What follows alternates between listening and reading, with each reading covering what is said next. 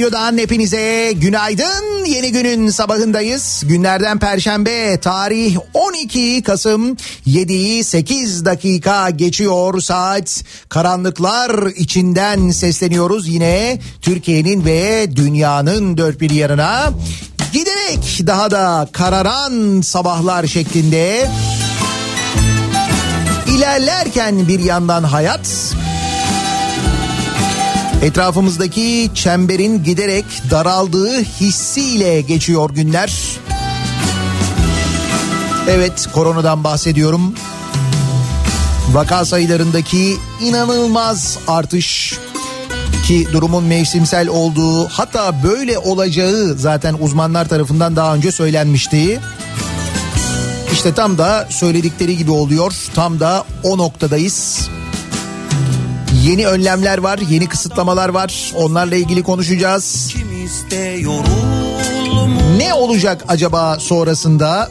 Onları elbette düşüneceğiz, konuşacağız.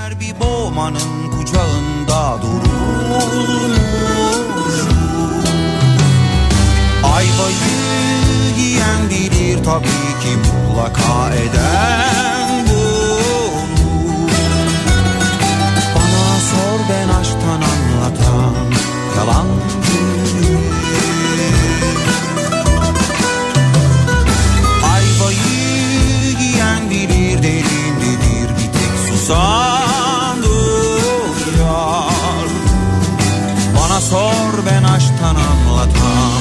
yalancı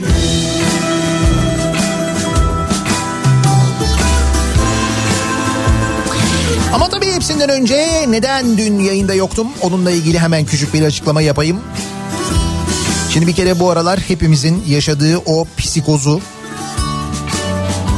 iliklerime kadar hissettiğimi söyleyeyim. Ee, 10 Kasım e, sabahı Dolmabahçe'den yayındaydık biliyorsunuz. Sabah erken saatlerde Dolmabahçe'ye gittik. Ee, hem yayın hem yayın sonrası epey müddet ben dışarıdaydım.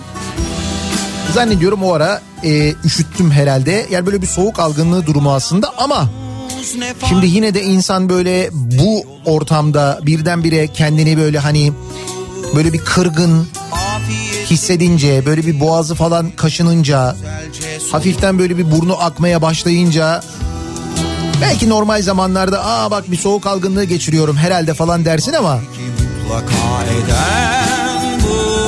şimdi bu pandemi döneminde öyle şeyler geliyor ki insanın hakkına. Ne yapacağım? Ne yapmalıyım?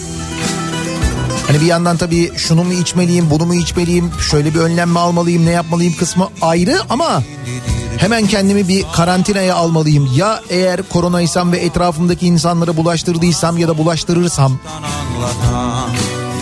bütün bunlar ışık hızıyla aklınızdan geçiyor. İşte bütün e, hepsini ben sırasıyla yaşadım. Kendimi bir karantinaya aldım ne olur ne olmaz falan diye. Fakat meselenin bir soğuk algınlığı olduğu ortaya çıktı. Hızlı bir vitamin takviyesiyle kendime geldim bu noktadayım ses düzeldi. Ama sadece o duygu bile yani o korku bile ne kadar fena bir şey. Ve eminim birçoğunuzun aklından benzer şeylerin geçtiğine, sizin de benzer şeyler yaşadığınıza ya da yaşayacağınıza. Çünkü tam o mevsimdeyiz, soğuk algınlığı mevsimindeyiz, grip mevsimindeyiz. Yalancı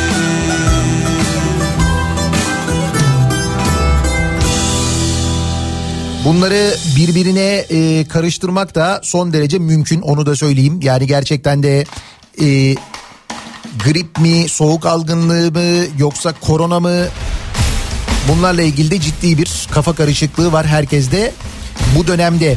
Şimdi dediğim gibi yeni kısıtlamalar önce şehir şehir il il falan derken dün İçişleri Bakanlığı'nın yayınladığı genelgeyle tüm Türkiye genelinde 65 yaş üstü kişilerin saat 10-16 arasında sokağa çıkabilecekleri bunun haricinde sokağa çıkmaları yasaklandı. Bu yönde bir karar alındı İçişleri Bakanlığı'nın genelgesiyle.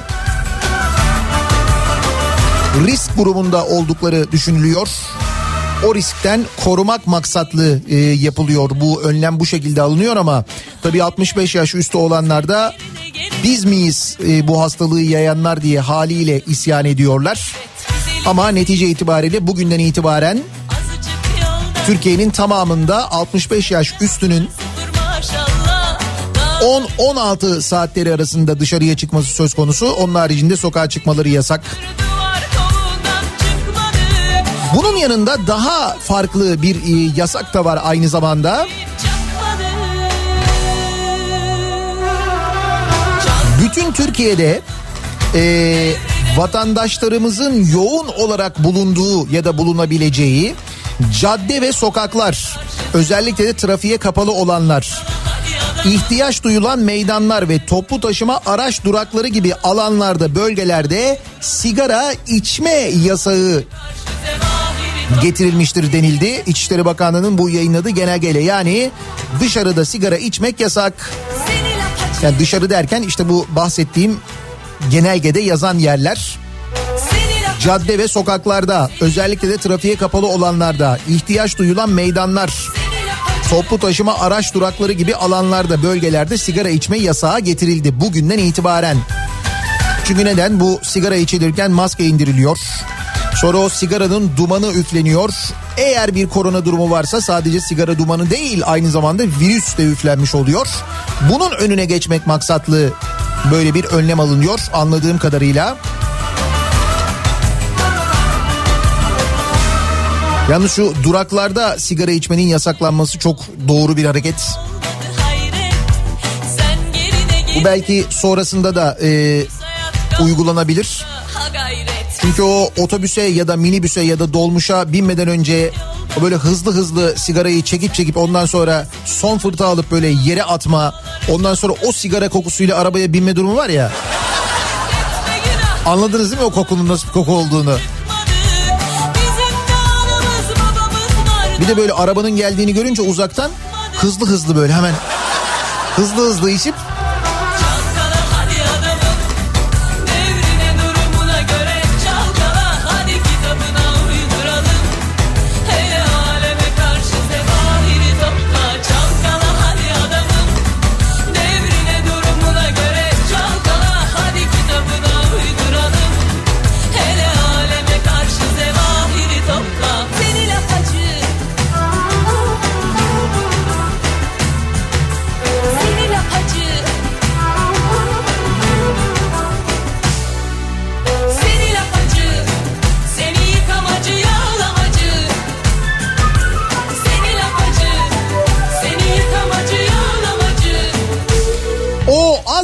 bahsettiğimiz Devri panik var ya o panik işte biz 8 aydır korona servisinde çalışanlar her gün o paniği yaşıyoruz maalesef diyor.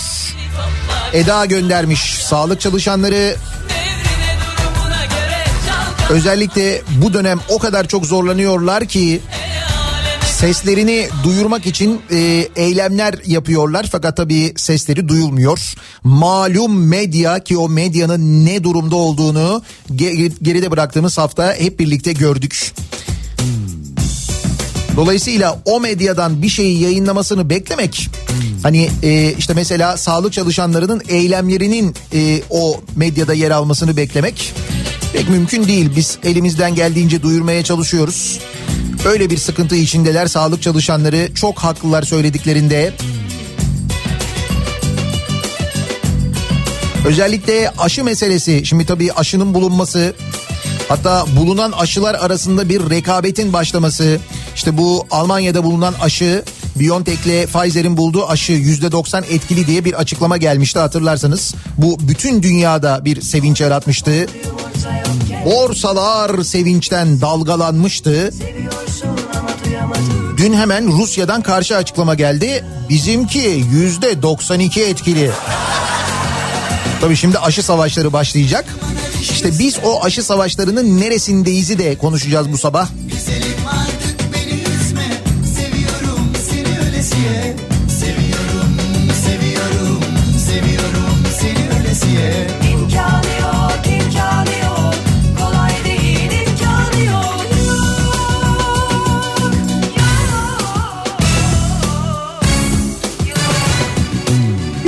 acı reçete durumu var.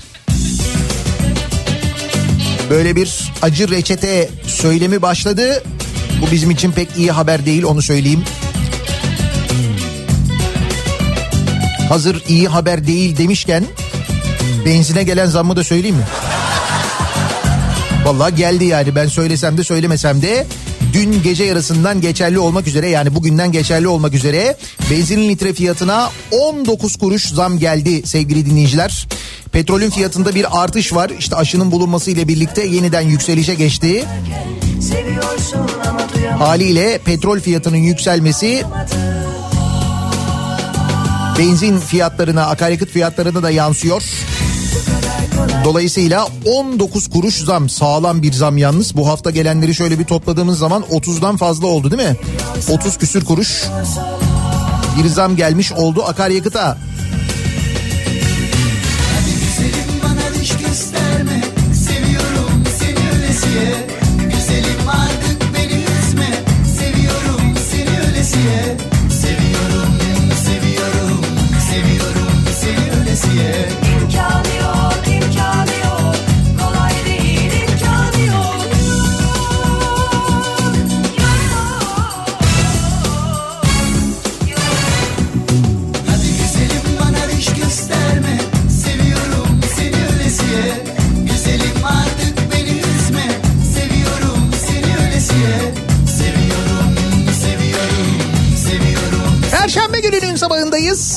Nasıl bir sabah trafiğiyle güne başlıyoruz? Nasıl bir sabah trafiğiyle işe gidiyoruz?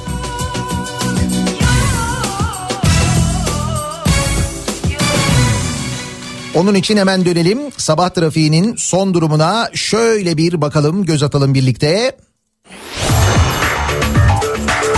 Yeni Hyundai i20 yol durumunu sunar. Sunar.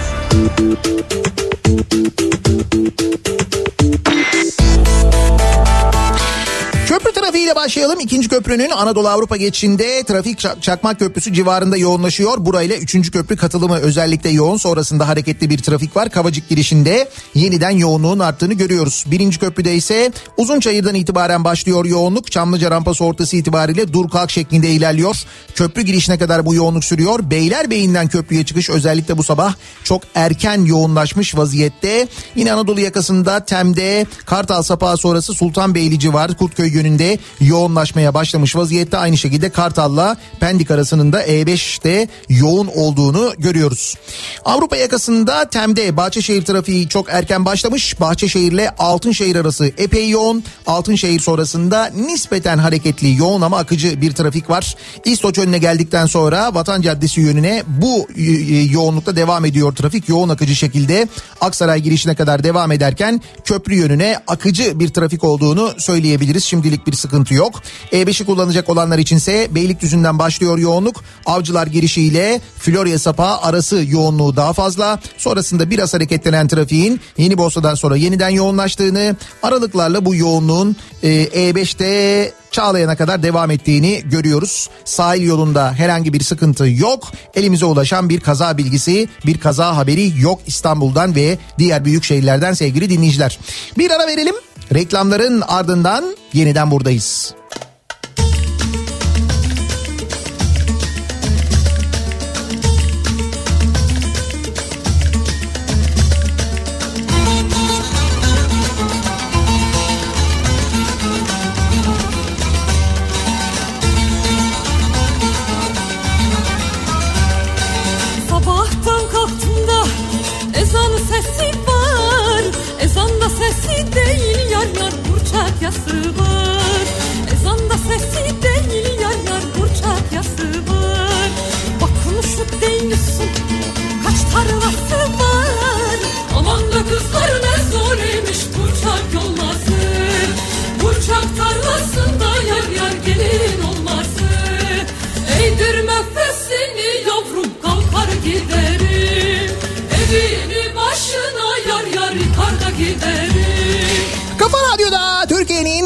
Kafa radyosunda devam ediyor.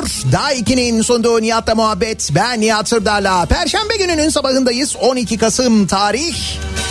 7.30'u 1 dakika geçtik.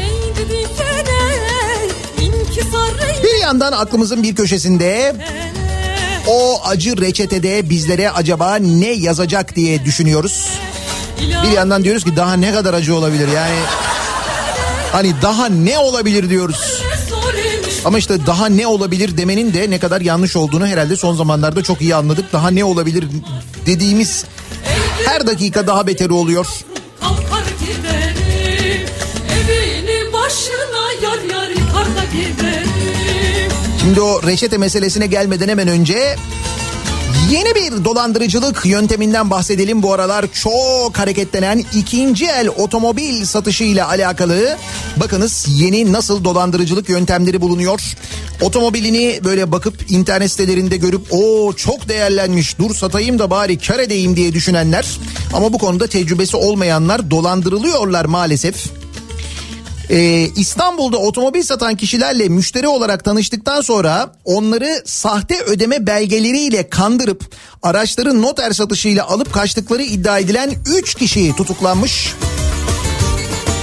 Esenyurt'ta polise başvuran Hulusi Topkara otomobilini satmaya çalışırken çaldırdığını söyleyerek yardım istemiş. Demiş ki polis olduğunu söyleyen kişilerle anlaştık. Bir miktar para verdikten sonra aracın devrini üzerlerine almak için ertesi gün buluştuk. Ben otomobili onlara vermiştim. Ancak otomobille kaza yaptıklarını söylediler. Bana sonradan fotomontaj olduğunu öğrendiğim kaza yapmış aracımın fotolarını gösterdiler. Paranın geri kalanını EFT yaptıklarını söylediler. Ben de onlara inanıp noter satışı yaptım. Sözde paranın hesaba gelmesini beklerken yanımdan kaçtılar dedi. Burada biraz saflık da var evet yani.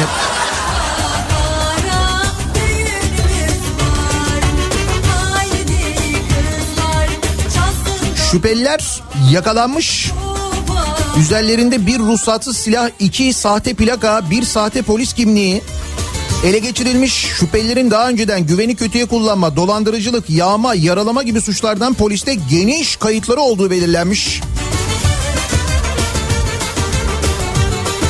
Yani tecrübeliler arkadaşlar. Yağma ve dolandırıcılık konusunda. Hayır işin kötü yanı böyle böyle başlayıp ondan sonra geliştiriyorlar kendilerini çok daha büyük işler yapıp çok daha büyük dolandırıcılıklar. Hatta maalesef resmi dolandırıcılıklar yapar hale geliyorlar ya. Canikosu oluyorlar yani. Olmuyorlar mı? Oluyorlar.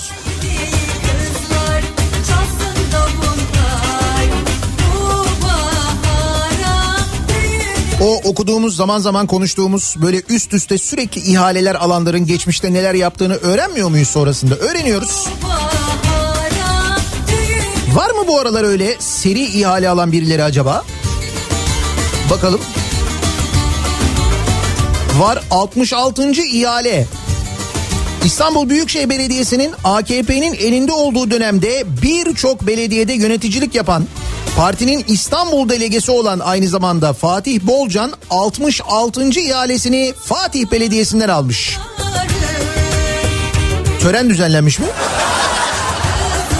Ne bileyim 66. olması münasebetiyle falan. 66 ihale. Bir başarı öyküsü. Durun ben size başka bir başarı öyküsü anlatayım. Bu hepimizi ilgilendiriyor. Diğeri belki sadece Fatihlileri ilgilendirebilir ama.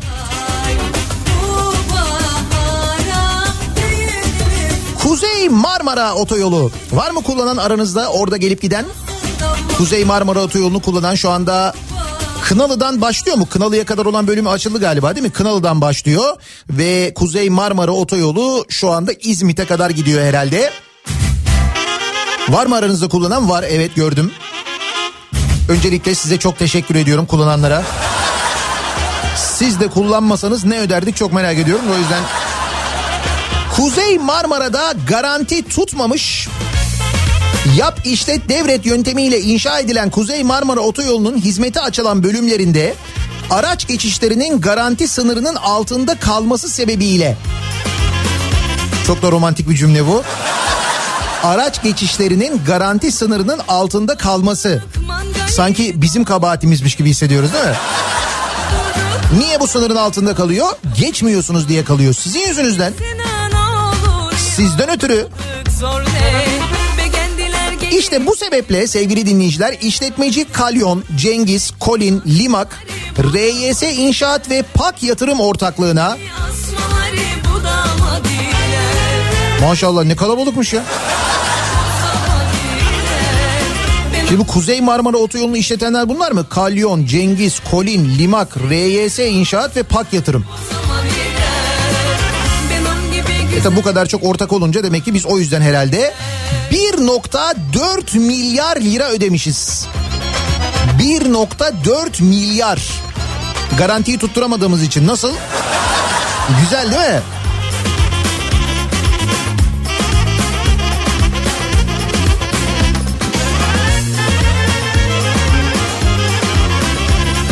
Bu arada bu Yavuz Sultan Selim Köprüsü ve Osman Gazi Köprüsü için ödediğimiz garantiler ayrı. Bu başka. Bu Kuzey Marmara Otoyolu için ödediğimiz garanti. Habertürk'ten Olcay Aydilek'in haberine göre Kuzey Marmara Otoyolu'nun hizmete açılan bölümleri için araç geçişlerinin garanti sınırının altında kalması sebebiyle ödeme yapılması gündeme geldi. Habere göre devlet işletmeci şirkete 1.4 milyar lira ödedi. Kaç ortak varmış? 1, 2, 3, 4, 5, 6. 1.4 milyar 6'ya bölüyoruz ne kadar oluyor ortak başı? E çok az oluyor. Şimdi 6'ya bölünce bir şey kalmıyor. Bir de bu arada dövizle garanti etmişiz. O da güzel ayrı. Tabii canım dövizle garanti ediyoruz. Dolayısıyla o mesela bu sene 1.4 milyar olarak ödediğimiz önümüzdeki sene daha da artacak, sonraki sene daha da artacak.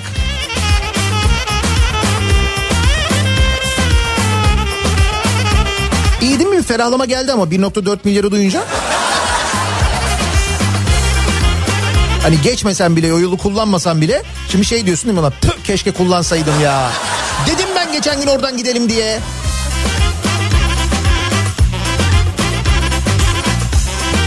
Geçsen de geçmesen de.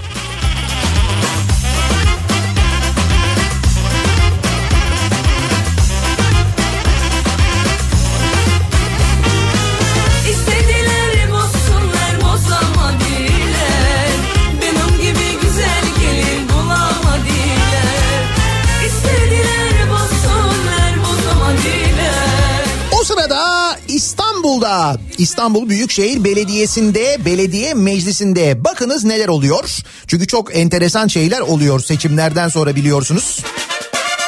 Mecliste işte AKP ve MHP çoğunluğu olduğu için o da niye? Çünkü meclis seçimi yani il belediye meclis seçimi yenilenmedi biliyorsunuz. Belediye başkanlığı seçimi yenilendi ama belediye meclis seçimi yenilenmedi. Dediler ki çünkü belediye başkanlığı seçiminde bir şey var diğerinde bir şey yok. Dedik ki bunların hepsi aynı zarftaydı nasıl oluyor dedik. Yok yok dediler belediye başkanlığı seçiminde var diğerinde yok. Hatta böyle çıktılar böyle videolar çektiler koydular sosyal medyaya hatırlıyor musun? Çünkü çaldılar. Dedik ki lan niye bir tek onu çaldılar? Çünkü çaldılar. Sonra 800 bin oldu. Demek ki o seçimde yenilenseydi o zaman meclis çoğunluğu da böyle olmayacaktı. Ama şimdi böyle olduğu için ne oluyor? Bakın şöyle oluyor. İmamoğlu TÜGVA kararını veto etti, meclis direndi. İstanbul Büyükşehir Belediye Başkanı Ekrem İmamoğlu Eyüp'teki TÜGVA Genel Merkezi için yapılan plan değişikliğiyle ilgili AKP MHP grubunun çoğunlukta olduğu belediye meclisi tarafından alınan kararı veto etmiş. Meclis veto kararına direnmiş. CHP'li Tarık Balyalı geçtiğimiz dönemde belediye mülkiyetinde yerlerin AKP ile siyasi ve ideolojik bağ olan vakıflara parsel parsel verildiğini söyleyerek bu yanlış bir vebaldir demiş. Şimdi burası neresi biliyor musunuz? Ee, Edirne kapı tarafından ya da Topkapı tarafından geliyorsunuz. E5'ten değil de bir arka yol vardır hani halk ekmeğin önünden geçen bir yol var ara bir yol. O yoldan geliyorsunuz böyle tam böyle Halıcıoğlu'na doğru geliyorsunuz Haliç'e gireceksiniz. Sol tarafta iki tane böyle bina var. Bir tane hemen böyle solda hemen bir tane de onun yan tarafında. Eskiden orası e, mezarlık ve kamyon garajıydı. Ben çok sık kullanıyordum o yolu çok iyi biliyorum. Hatta hala da kullanıyorum yani. Sonra birdenbire orada böyle bir inşaat başladı. Ondan sonra o bir, bir bina yapıldı. Bu binalar meğerse belediye tarafından yapılıyor. Sonra belediye tarafından yapıldıktan sonra bu vakıfa veriliyor. Hatta ikisi de bir vakfa veriliyor. Bir tanesi SETA sol taraftaki. Hani bu akşam böyle televizyon programlarına haber bültenlerine çıkan böyle işte SETA bilmem necisi ocusu bucusu falan diye çıkanlar var ya işte onların yeri. İşte orası sol taraf hatta kapısında polis koruması falan var o binanın enteresan. Bir vakıf orası yani. Diğer tarafta da TÜGVA var. Türkiye Gençlik Vakfı. Bunlar belediye tarafından inşa edilen binalar inşa edildikten sonra bu vakıflara veriliyor bedelsiz. İmar planlarında sosyal kültürel tesis alanında bulunan 2000 metrekarelik parsel oy çokluğuyla özel sosyal kültürel tesis alanı olarak ilan ediliyor meclis tarafından. Yani yarın öbür gün belediye bu e, geri alır diye TÜGVA'dan geri alır diye geri almasın diye bu şekilde yapılıyor. İşte bunu veto ediyor belediye başkanı İmamoğlu ama meclis bu vetoya direniyor. Meclis kararında ısrar ediliyor. Yazılı Nasıl güzel değil mi? İşte belediye meclisi böyle çalışıyor. Öte yandan e, işte mesela İmamoğlu'nun getirdiği ya da CHP grubunun getirdiği öneriler, önergeler reddediliyor biliyorsunuz. bu Üstelik bunları yaparken böyle gayet gevrek gevrek gülüyorlar, kahkahalar atıyorlar, kendi aralarında şakalar yapıyorlar. Nasıl çalıştırmıyoruz sizi? Hadi bakalım falan yapıyorlar böyle. Yapmıyorlar mı? Yapıyorlar görüyoruz. Cemali sözüyle hissi celaliyle git gide Enteresan bir belediyecilik anlayışı. Cümle aleminden Gönül işlerinden Mevzu açma hüzünden Hüzünlüyüz afitap Cemali sözüyle Hissi celaliyle Git gide anneme Benziyorum afitap Dünyanın gündemi aşı ve aynı zamanda tabii pandemi vaka sayılarında inanılmaz artışlar var bütün dünyada. Sadece Türkiye'de de değil, Türkiye'de de çok korkutucu noktaya gelmiş vaziyetteyiz. Ama işte bir yandan da aşı haberleri geliyor ya özellikle BioNTech'in geliştirdiği aşı, iki Türk'ün geliştirdiği aşı, iki bilim insanının geliştirdiği aşı Ki bundan çok büyük hakikaten gurur duymamız lazım bir yandan.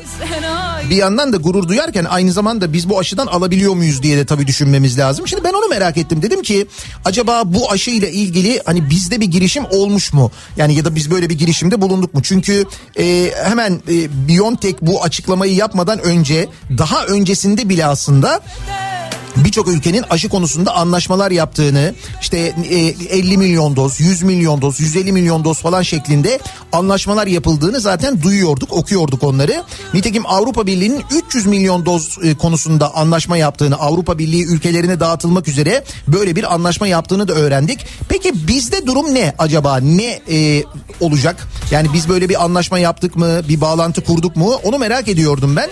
Şimdi bir kere e, aşının 19,5 dolar e, olacağı yönünde bir bilgi var. Amerika ile yapılan anlaşmada bir doz aşı 19,5 dolar olacakmış. İki doz halinde uygulanıyormuş bu e, aşı.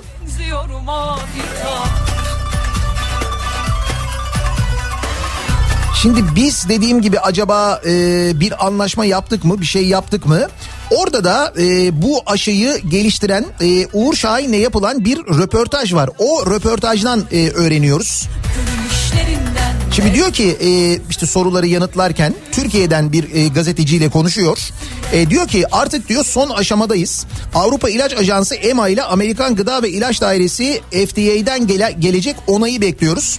Dünyanın ihtiyacı olan milyonlarca doz aşıyı karşılayabilmek için geçtiğimiz aylarda Almanya Marburg'da bir üretim tesisi açtık. Üretim ve tedarik aşamaları için Pfizer'le ortaklık kurarak aşının üretimine şimdiden başladık demiş. E, 2021'in ilk 6 ayında 300 milyon doz aşı dağıtımı planlanıyor demiş. Türkiye için de Sağlık Bakanlığı'yla görüşmeler gerçekleştirmemiz gerekecek. Demek ki bir görüşme gerçekleştirilmemiş yani buradan bunu anlıyoruz. Bir protokol imzalandığı takdirde Ocak, Şubat, Mart aylarında Türkiye'ye de aşı dozlarını getirme imkanı doğacak. Sağlık Bakanlığı kaç doza ihtiyaç olduğu ve ne zaman gerekli olduğunu bildirdiği takdirde Türkiye için de yeterince aşı ayırmayı istiyoruz demiş. Bak adam gayet kibar bu şekilde anlatıyor yani bu söylediklerinden anlıyoruz ki daha bizden kendisiyle irtibata geçen şu kadar doz aşıya ihtiyacımız var. Biz bunları ne zaman alırız? işte ne kadar alırız falan gibi bir iletişim kurulmamış. O anlaşılıyor. Doğru mu? Ben yanlış anlamıyorum herhalde değil mi? Adamın söylediklerinden bunu anlıyoruz. Hani merak edenler için durum bu. Sağlık Bakanlığı aksi yönde bir açıklama yapmadıkça bir temas kurulmadığını henüz BioNTech'le ya da Pfizer'le bir anlaşma yapılmadığını anlıyoruz. Böyle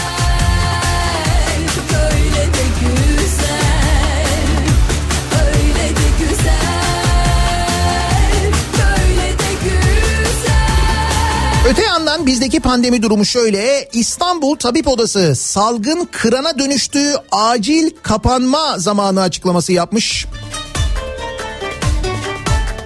İstanbul Tabip Odası Yönetim Kurulu üyesi Profesör Doktor Rukiye Eker Ömeroğlu ambulanslar Covid-19 hastalarını taşımaya yetişemiyor.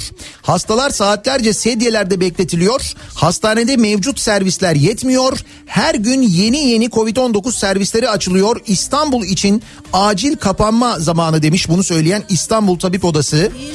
Türk Toraks Derneği'nden gelen bir acil çağrı var. Bir ay tam kapama gerekli diyormuş. Ee, Türk Toraks Derneği de İstanbul başta olmak üzere birçok yerde Covid-19 vakalarının artış göstermesi sebebiyle Türk Toraks Derneği bir açıklamada bulunarak tehlikeye dikkat çekmiş ve kısıtlama çağrısında bulunmuş. Salgının kontrolden çıktığı vurgulanan açıklamada en az iki hafta hatta koşullar zorlanarak bir ay tam kapanma gereklidir denilerek vaka artışındaki tehlikeye dikkat çekilmiş.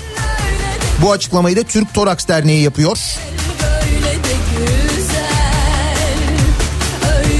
Şimdi doğru mu gerçekten bu durum gerçekten böyle bir durum var mı onu öğrenmek için de hemen başka bir habere bakıyoruz. Şimdi dernekler ya da tabip odaları böyle açıklamalar yapıyorlar. Ee, örneğin e, Pamukkale Üniversitesi Hastanesi Başhekim Yardımcısı Gürbüz Akçay.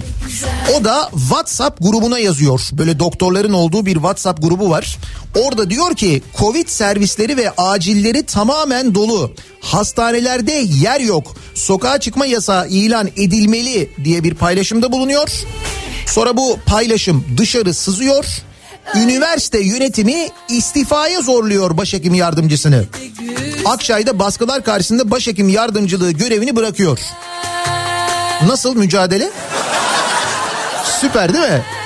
Yani durumun ne kadar vahim olduğunu, ne kadar tehlikeli olduğunu söyleyen hekimin başına da bu geliyor.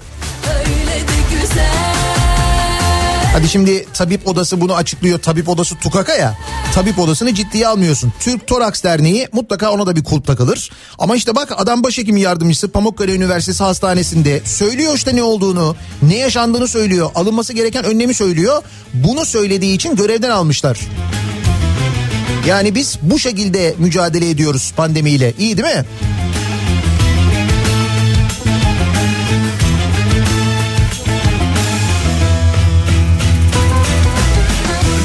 Geldim anladım ki bu alem budur.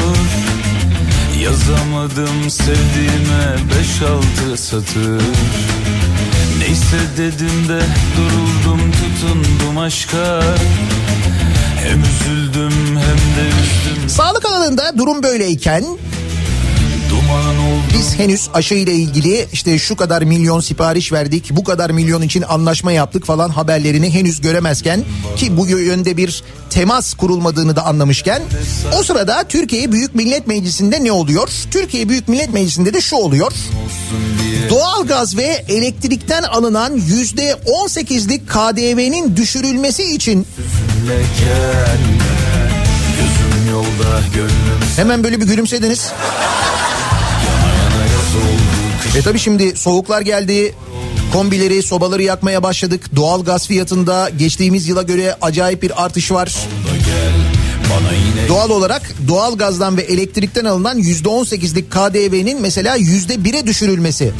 Ne kadar güzel olur değil mi? İşte bu yönde bir öneri veriliyor. CHP Kütahya Milletvekili Doktor Ali Fazıl Kasab'ın doğalgaz ve elektrikten alınan %18'lik katma değer vergisi oranının %1'e indirilmesini öngören kanun teklifi Meclis Genel Kurulu'nda, kurulunda AKP'li vekillerin oylarıyla reddediliyor. Ne alakası var ya versinler yüzde on sekiz. Diyorlar herhalde kendi aralarında. Ya doğalgaz fiyatından haberleri yok ya elektriğe gelen zamlardan haberleri yok bilemiyoruz. Ama reddetmişler bu teklifi sevgili dinleyiciler. Yani meclis çalışıyor gördüğünüz gibi. Uzun ince bir yollarda kayarken Ne 2020'ymiş arkadaş. Düştük ulan durup dururken Duman oldun o halinden eser Şimdi 2020 ile ilgili de artık yavaş yavaş Kasım ayının da ortalarına yaklaştığımıza göre Kasım ve Aralık aylarında genelde değerlendirmeler yapılır. İşte 2020 yılının şusu, 2020 yılının busu. Şimdi mesela 2020 yılının kelimesi belli olmuş. 2020 yılının kelimesi. Collins İngilizce sözlüğü yılın sözcüğü olarak lockdown kelimesini seçmiş ki işte Türkçe'ye çevirdiğimiz zaman tecrit ya da karantina olarak çevirebiliriz. Yani 2020 yılının kelimesi karantina olarak belirlenmiş. Can yürekte yürek sende Bu sözcüğü seçtik. Zira bu dünya genelinde Covid-19'un yayılmasına karşı verilen savaşta müşterek olarak rol üstlenmek durumunda olan milyarlarca insan için birleştirici bir deneyim oldu. O nedenle bu kelimeyi seçtik, bu sözcüğü seçtik demişler. Karantina sözcüğünü seçenler. Peki bizde acaba 2020 yılının kelimesi nedir? 2020 yılının sözcüğü nedir?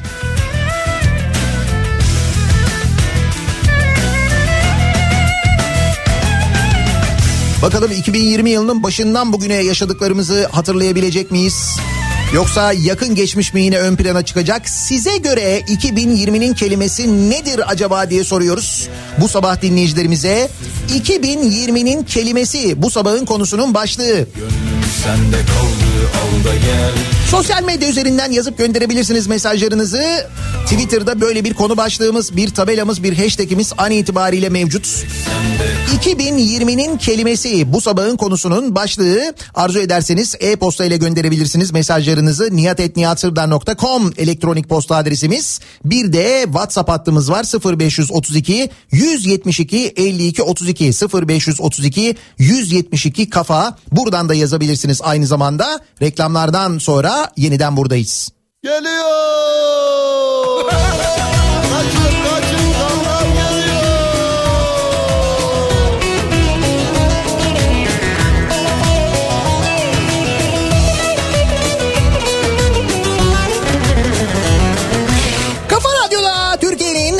kafa radyosunda devam ediyor.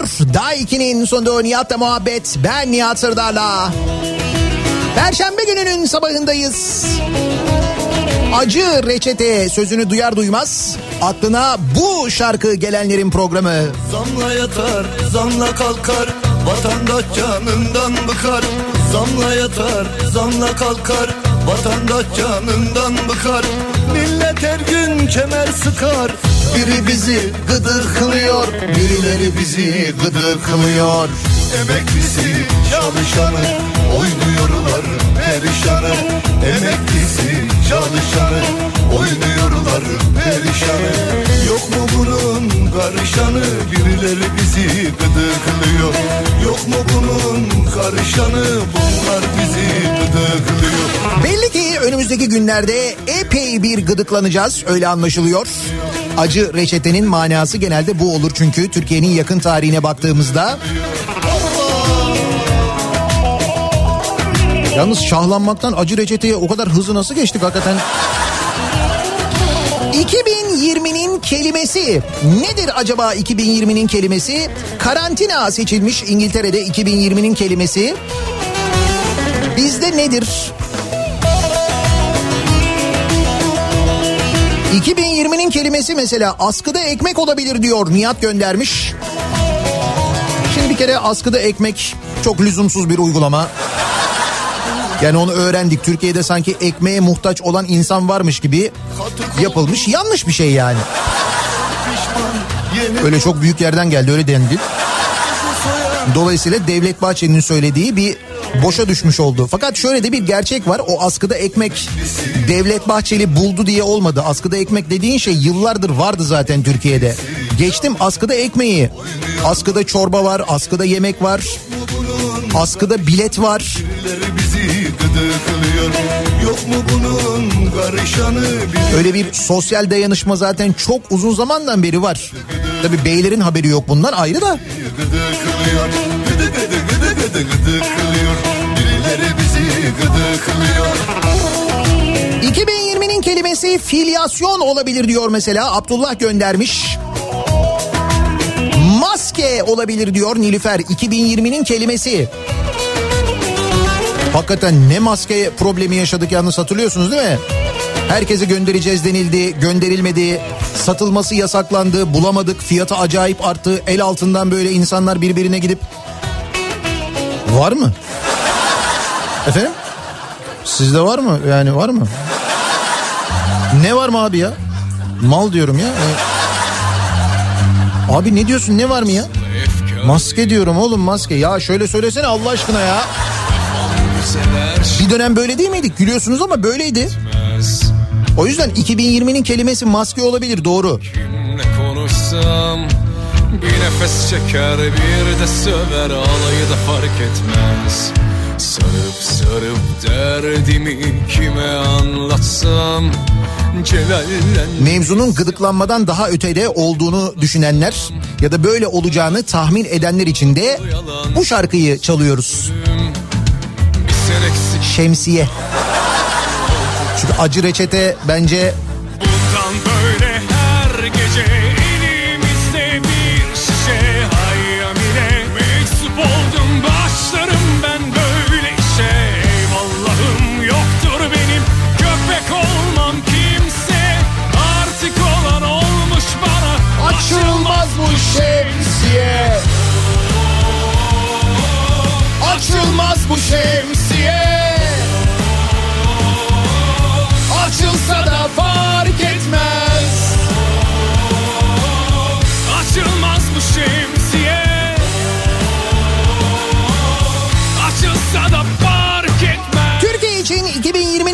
kelimesi kesinlikle dolar diyor Çağla.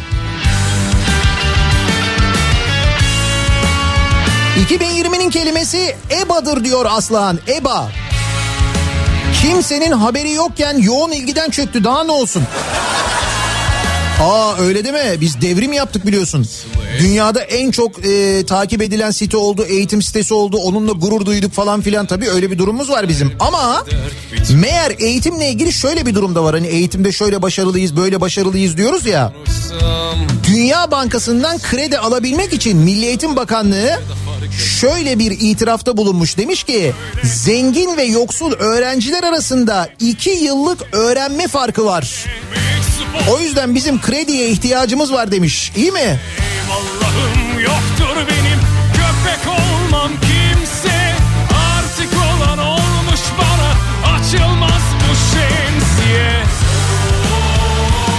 siyasette eğitimde başarı hikayesi anlatan hükümetin sıra Dünya Bankası'ndan kredi almaya gelince eşitsizliği kabul ettiği ortaya çıkmış.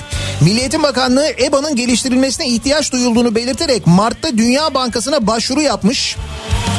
Bir gün gazetesi proje kapsamında Milli Eğitim Bakanlığı'nın Ekim'de hazırladığı dosyaya ulaşmış. Dosyada şu ifadeler yer almış. Ülke içinde öğrenciler arasındaki uçurumun daha da fazla büyümemesi için mevcut uzaktan eğitim verimliliğinin geliştirilmesi gerekmektedir. Önlem alınmazsa düşük gelirli ailelerin çocuklarının okulu bırakacağı ve bir daha dönmeyeceği de yazıyormuş aynı zamanda bu dosyada. Ya gördün mü Dünya Bankası'na başka bize başka.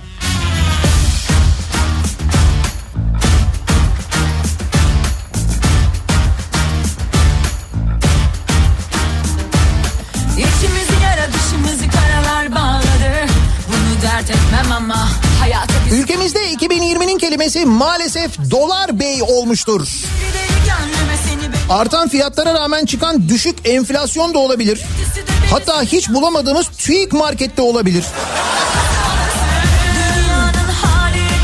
Ne kadar e, geniş bir kelime haznemiz var farkındasınız değil mi?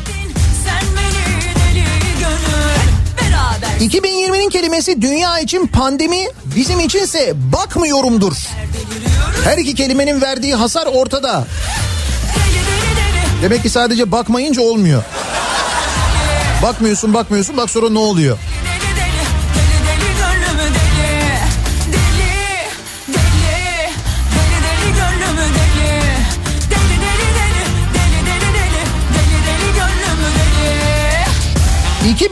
2020'nin kelimesi sadakatsiz olabilir.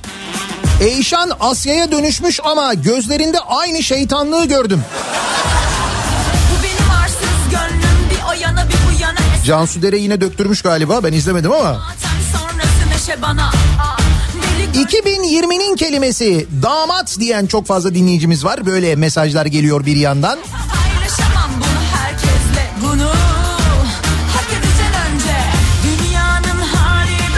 Tabii ki kolonya diyor mesela Turhan. 2020'nin kelimesi. Taceddin sen beni deli gönül Hep beraber sıyırıyoruz Hep beraber kayırıyoruz Hep beraber 2020'nin 2021 kelimeyle anlatılmayacak kadar özel bir yıl. Ama benim için yılın cümlesi keyif çayı.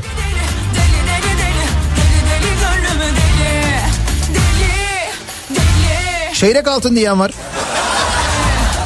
Dolar, euro, altın. Hele ki çeyrek altın. Şimdi bunların içine baktığında yılbaşından bugüne en fazla kar getiren altın. Evet. Yılın kelimesi 2020 yılının kelimesi altın ya da çeyrek altın olabilir.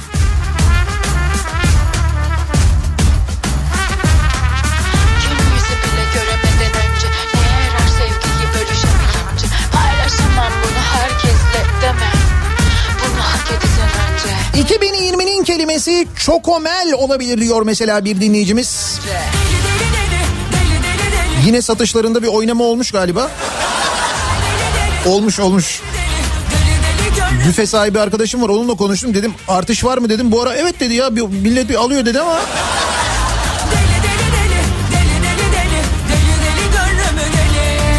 2020'nin kelimesi açık ara Caniko. Bu arada Caniko kadrosu doldu mu acaba? Ben bir başvuru yaptım ama hala bana bir dönüş olmadı. Canım o başvuruyla olmuyor. Önce bir kayıt oluyorsun zaten. Partiye kayıt olman lazım tabii onu tahmin edersin. Sonra gelişiyor işler.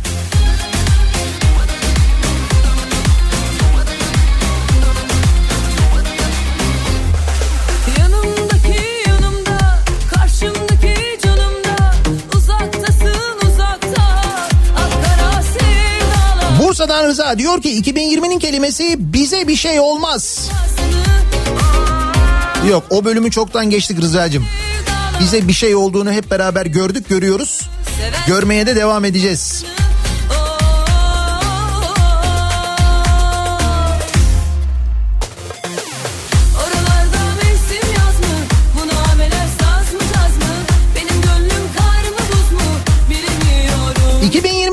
2020'nin kelimesi Sağlık Bakanı'nın dediği gibi bana yaklaşma olmalı diyor Serkan. Bana yaklaşma. Yaklaşma. Ama işte bakanı da ne hale getirdiler. Bak geçen gün 10 kişi asansöre bindiler dip dibe. Muhtemelen o asansörün bineceği insan sayısı sınırlıdır ama iş takmadılar bindiler valla.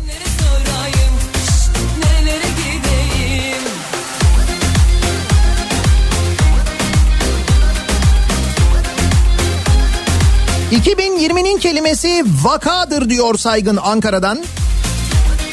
Vaka sayıları değil mi? Semptomatik, asemptomatik. Bütün dünyada günde 20 bin vaka, 25 bin vaka, 30 bin vaka falan konuşulurken biz hala 2500'lerde 3000'lerdeyiz. sürer sefasını Hala bize doğrusu söylenmiyor yani hala. Hayır söylemeyince ne oluyor çok merak çok merak ediyorum yani ne oluyor söylemeyince? Biz mesela o vaka sayılarını yüksek görmeyince daha mı mesela çekiniyoruz, korkuyoruz falan? Tam aksi olmaz mı aslında? Niye söylenmiyor?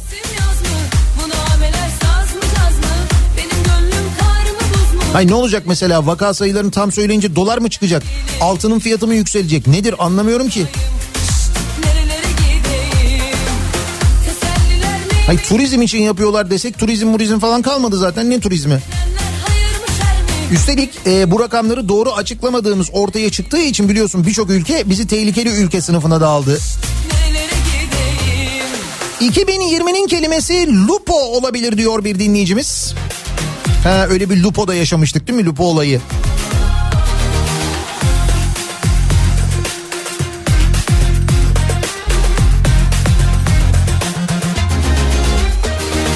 ...2020'nin kelimesi ekmek olabilir diyor bir dinleyicimiz. Üzerine çok tartışılan ekmek. Hani bir vatandaş dedi ya biz dedi evimize dedi götüremiyoruz dedi. Sonra denildi ki öyle şey mi olur ne alakası var denildi falan.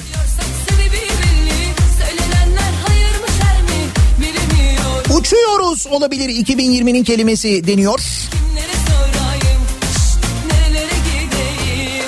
2020'nin kelimesi dezenfektan olmalı diyor Bursa'dan Mehmet göndermiş. O da mesela çok konuştuğumuz bir konu. Hangi dezenfektanı kullanmalıyız, neyi kullanmalıyız?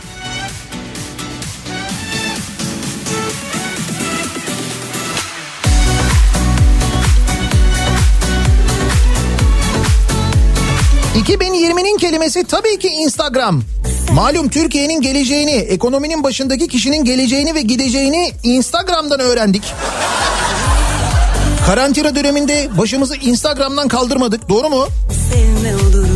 Twitter bizi çok daralttığı için genel olarak böyle bir Instagram'a geçiş yaptık yapıyoruz hala. Varmış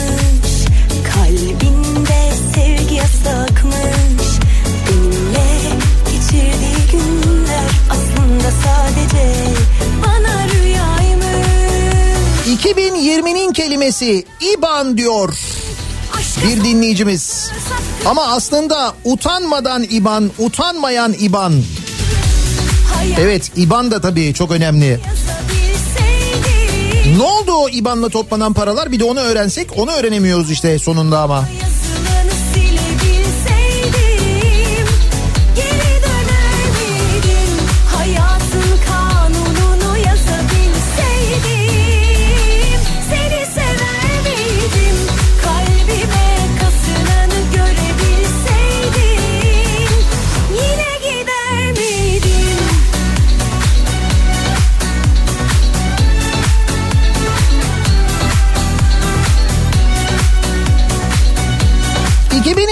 2020'nin kelimesi turkuaz tablo. Bilim adamları Covid'in aşısını buldu. Bizimkiler daha tabloyu çözemedi diyor Ekrem Afyon'dan. Evet değil mi? Hala kafa karıştırıcı halde. Tabloda rakamlar zaman zaman birbirini tutmuyor. O tablo yayınlanıyor. İnsanlar diyorlar ki e dün böyleydi şimdi bugün oldu nasıl oldu? Sonra o tablo kaldırılıyor, düzeltiliyor, başka bir tablo konuluyor falan. Başka son bir söz hakkı kaldı 2020'nin kelimesi yok artık. Hayatın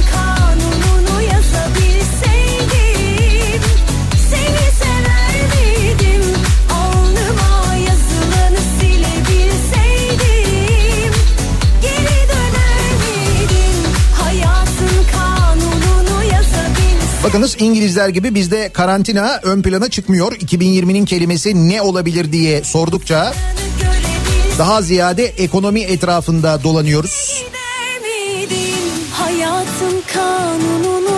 Ve çok enteresan bir şekilde 2020'nin kelimesi olarak çokomel açık ara önde gidiyor. Yine gider miydin? Hayatın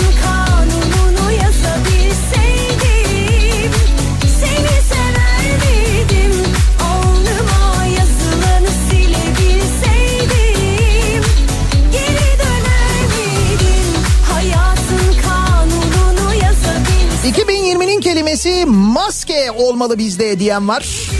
Kalbime kasınanı görebilseydim Yine gider miydin?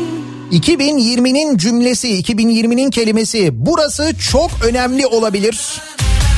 Mitil olabilir bence 2020 yılının kelimesi diyor mitil. O mitil ama geçen senenin kelimesi ya. Hatta geçen seneden beri orada duruyor. Bir ara İstanbul'da geldiler bir yere attılar biliyorsun o mitili sonra toplamadılar. Öyle duruyor orada hala. Zaman zaman trafik aksiyonu yüzünden.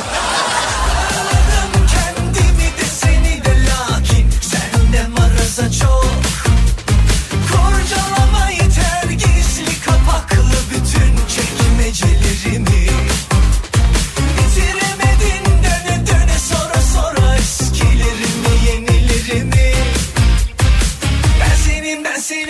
Bence 2020'nin kelimesi biz o tarafa bakmıyoruz. Hakikaten bakmıyormuş çünkü diyor. Karıştırıyor muyum? Soruyor muyum? Ahretlik sorular soruşturuyor muyum? Ben senin, ben senin, ben senin, ben senin 2020'nin kelimesi bulaş olabilir diyor Tolga. 2020'nin kelimesi daha doğrusu kelimeleri maske, mesafe, dolarla mı maaş alıyorsun? Onu şey diye özetleyebiliriz belki. Dolarla ne işiniz var? Ya da dolarla işim mi var mesela?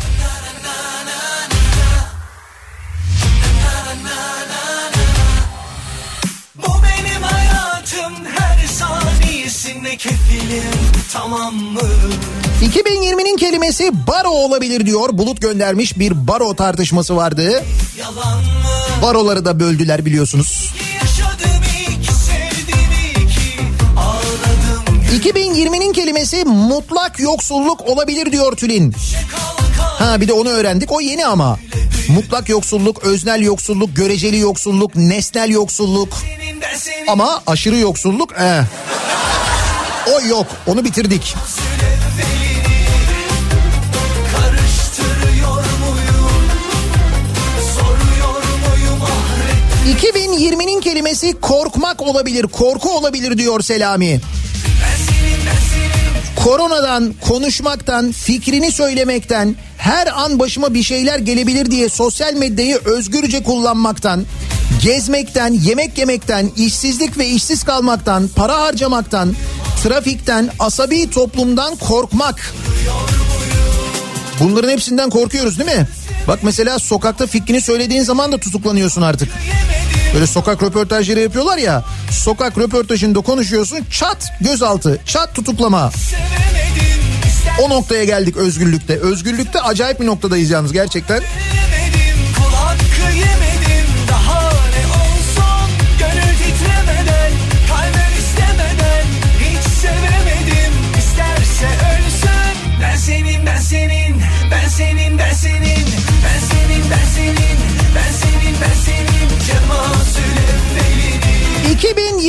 kelimesi alay komutanı.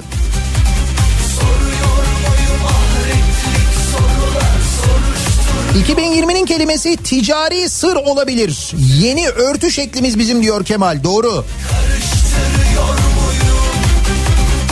Ben en çok TRT'nin üzerindeki örtünün kaldırılmasını istiyorum ama onu söyleyeyim kendi adıma. En çok TRT'nin o topladığı paraları nerelere harcadığını, kime ne kadar para verdiğini, hangi diziye, hangi yapıma ne kadar para ödendiğini ben hakikaten merak ediyorum. Çünkü TRT bir ticari kuruluş değil. TRT senden benden bizden alınan vergilerle çalışan bir kamu kuruluşu. Dolayısıyla nereye ne para harcadığını kuruşu kuruşuna bizim bilmemiz lazım ama bilemiyoruz. Öğrenemiyoruz. Niye? Neden yani? Ticari sır yok ya.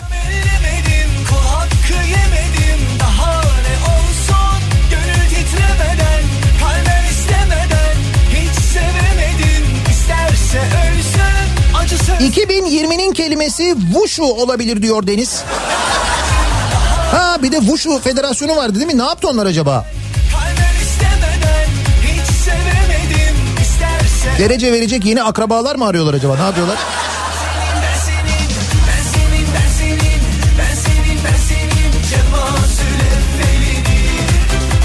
Nedir acaba size göre 2020'nin kelimesi diye bu sabah konuşuyoruz. Dinleyicilerimize soruyoruz.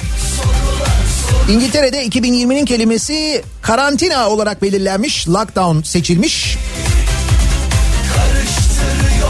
Bizde size göre 2020'nin kelimesi ne olmalı diye soruyoruz bu sabah dinleyicilerimize. Bir ara verelim. Reklamlardan sonra yeniden buradayız.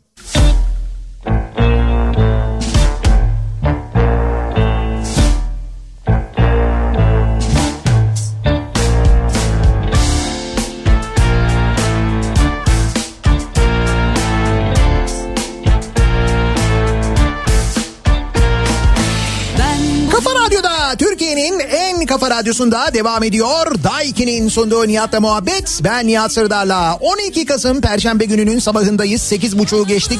sordunuz adımı koyarken 2020'nin kelimesi ne olabilir acaba diye soruyoruz. İngilizler karantina olarak belirlemişler 2020'nin kelimesini. Derler Acaba Türkiye'de 2020'nin kelimesi ne? Bakmıyorum 2020'nin kelimesi olabilir diyor bir dinleyicimiz. verseler Öyle ya dolara bakmıyoruz, altına bakmıyoruz. Üstüne zaten bakamıyoruz.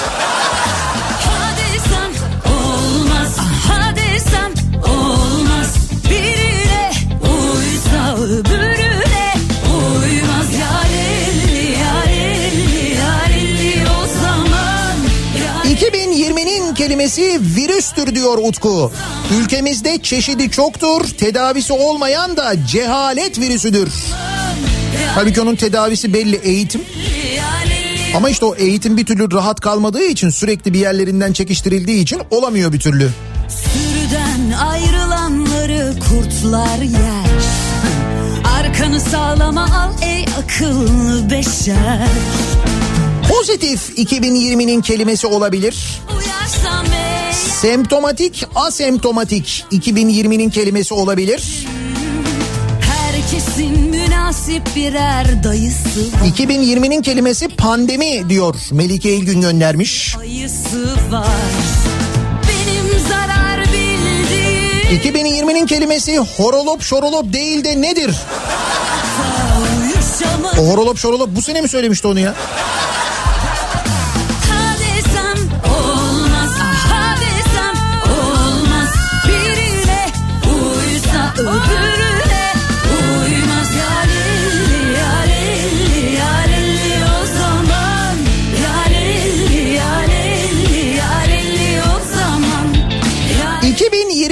2020'nin kelimesi zindaşti olabilir.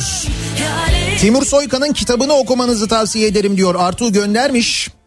Ben seni de sevmedim Adem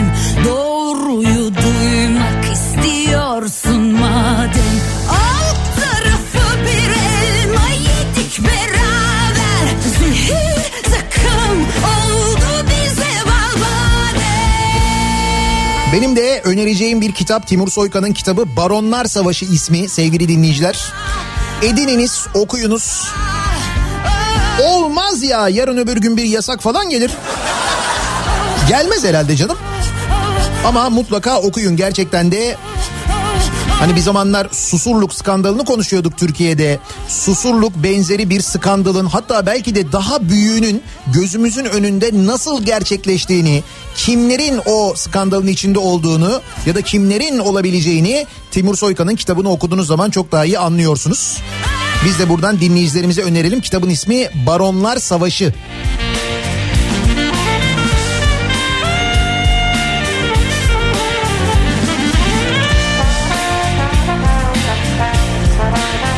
İçin 2020'nin kelimesi ekonomi diyor Gökhan. 2020'nin kelimesi yap, işlet, devret, geçiş, garanti, dolar gibi kelimeler bir araya gelince ne oluyor bunlar bir araya gelince? Canikos oluyor ne olacak? Ama maliyeti biraz yüksek oluyor evet. Bunların hepsi bir araya geldiğinde acayip sağlam bir para ödemek zorunda kalıyorsun sonrasında. İşte bak Kuzey Marmara otoyolundan otoyolu kastediyorum bakın köprüyü kastetmiyorum. Kuzey Marmara otoyolundan geçmeyen araçlar için garanti geçiş ücreti olarak 1.4 milyar lira ödemişiz. Sormasınlar 1.4 milyar. Ne olur söyletmesinler derdi Bu sadece bu sene ödediğimiz para. Daha önümüzdeki sene ödeyeceğiz. Sonra ödeyeceğiz. Sonra bir daha ödeyeceğiz. Sonra bir daha ödeyeceğiz.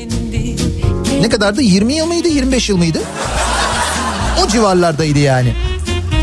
Ne olur söyletmesinler derdimi 2020'nin kelimesi garanti geçiş olabilir diyor işte Ahmet. Bak onu söylüyorum ben. Garanti geçiş, garanti yatış, şehir hastaneleri.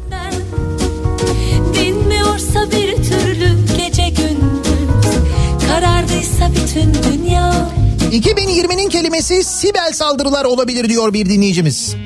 Ama eğlenmiştim Sibeller saldırdığında. Sibeller dedim onu yapan. Sibel saldırı. Kaç yıl geçti aradan ayrı ayrı Bitsin artık bu hasret buluşalım gayrı En acıklı 2020'nin kelimesi deprem diyor Hüseyin. 2020 yılında bütün dünyada depremde ölenlerin sayısı 198 iken bunun 146'sı Türkiye'den. Ne kadar acı, ne kadar fena. Ve bizim hala bunun için doğru düzgün bir şey yapmıyor olmamız. Bakınız İzmir depremin üzerinden daha ne kadar zaman geçti unuttuk gitti bile. O en çok sevdiğim ve ben Benim bütün derdim özlem Biliyorum kavuşur böyle seven Biz bir elmanın iki yarısıyız Babam yazmamı rica etti. 2020'nin kelimesi 65 yaş üstü. Düğünlerde zıplamayan biz, aldığımız emekli maaşıyla barlara gidip dağıtmayan biz ama suçlu yine biz. Evet yine 65 yaş üstüne yasak geldi. Türkiye genelinde dün İçişleri Bakanlığı bir genelge yayınladı. 65 yaş üstü gündüz 10-16 saatleri arasında sokağa çıkabiliyor. Bu saatleri haricinde sokağa çıkamıyor. Dün alınan bir kararla artık bu hasret buluşalım gayrı 65 yaş üstü olan ama çalışanlar var. Onlardan gelen tepkiler var. Biz miyiz suçlu diyenler var haklılar. Kaç yıl geçti aradan ayrı ayrı Bu arada sokakta sigara içmek de yasaklandı. buluşalım İçişleri Bakanlığı genelgesiyle işte böyle duraklarda, meydanlarda, sokaklarda, caddelerde Zaten maske takmak zorunlu. Maske takarken sigara içmek mümkün değil. Dolayısıyla sigara içmek için zaten maske çıkarılıyor. Bir de o sigaranın dumanı ve eğer varsa virüs beraber üfleniyor. Bir gün belki hayattan İşte bunun için böyle bir yasak kararı alındı dün itibariyle. bir teselli ararsın Bak o zaman resmime 2020'nin kelimesi rekabetçi kur olabilir.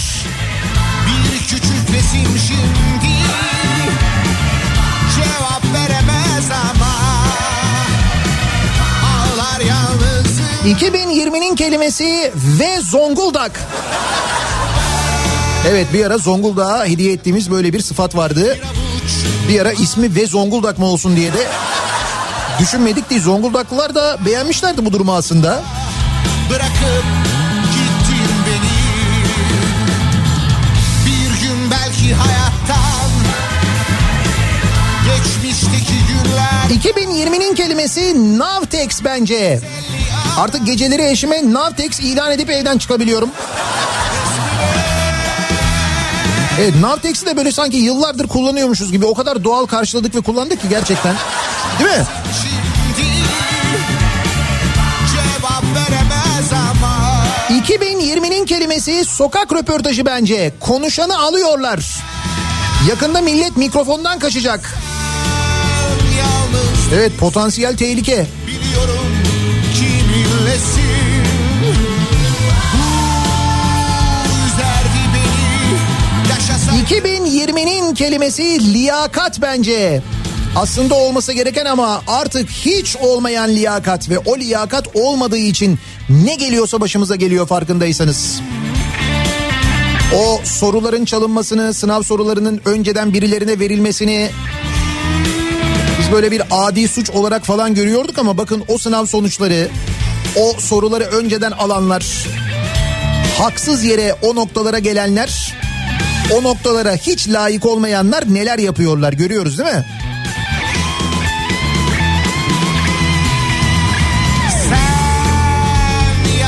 Değilsin biliyorum 2020'nin kelimesi bence uzaylılar. Yıl daha bitmedi Nihat Bey. Bir uzaylı beklentimiz hala var değil mi? Bir tek o eksik kaldı çünkü. bir gün belki hayattan Geçmişteki günlerden Bir teselli ararsın Bak o zaman resmime Gör o yaşları lalay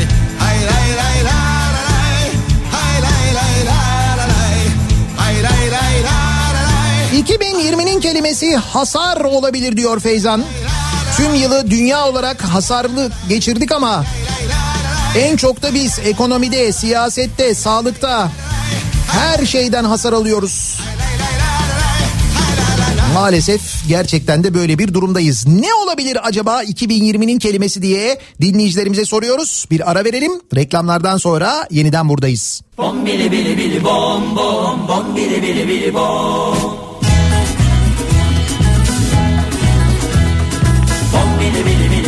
Bom bom bom bili bili bili bom. Şu dereler şu düzler aman aman aman. Şerküledilen sözler bom bili bili bili bom bom bom bili bili bili bom. Yine mi sürmelendi aman aman aman. Ocakı söndüren gözler bom bili bili bili bom bom bom bili bili bili bom bom bili bili bili bom bom bom bili bili bili bom.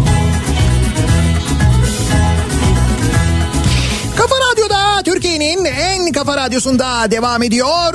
Daiki'nin sonunda Nihat'la muhabbet. Ben Nihat Sırdar'la. Perşembe gününün sabahındayız. 2020'nin kelimesi ne olabilir acaba diye soruyoruz Türkiye'de.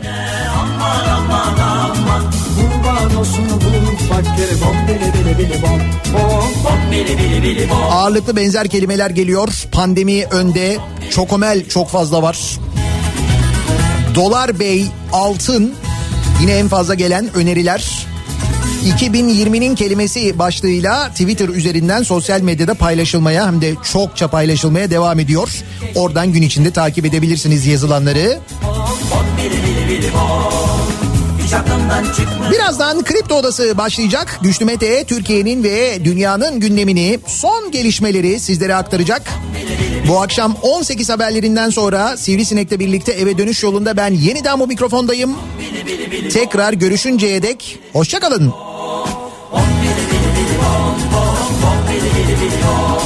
Bom bili bili bili bom bom bom bili bili bili bom.